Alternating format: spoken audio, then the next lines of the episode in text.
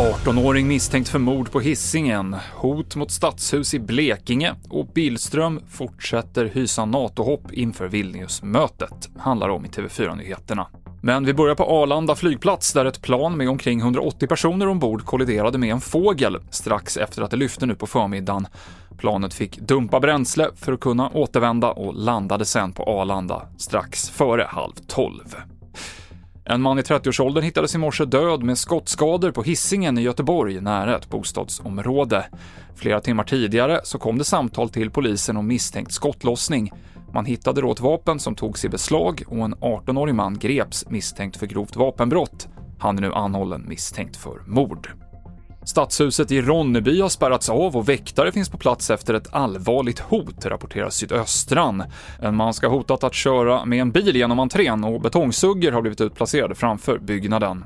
Enligt uppgift till Sydöstran så dömdes samma man i höstas för grov skadegörelse efter att han krossat ett stort antal fönster på Stadshuset.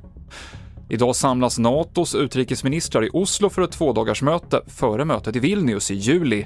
Hoppet är att Sverige ska vara medlem till dess och det är en realistisk målsättning tack vare stöd från USA, säger utrikesminister Tobias Billström. Det är absolut realistiskt att tro detta och det är ju klart att eh, även om man kan tycka att det här är en kort tidsperiod så är det fortfarande så att eh, det finns ett starkt politiskt tryck och det brukar ha en eh, välgörande inverkan när det gäller de här frågorna.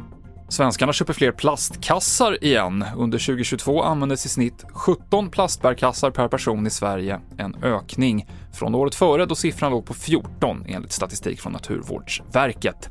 Inom EU är målet att få ner förbrukningen till högst 40 plastkassar per person fram till år 2025, men det är alltså ett mål vi når med god marginal.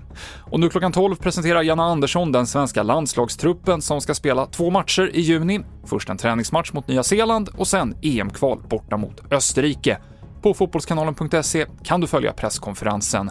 Senaste nytt finns på tv4.se.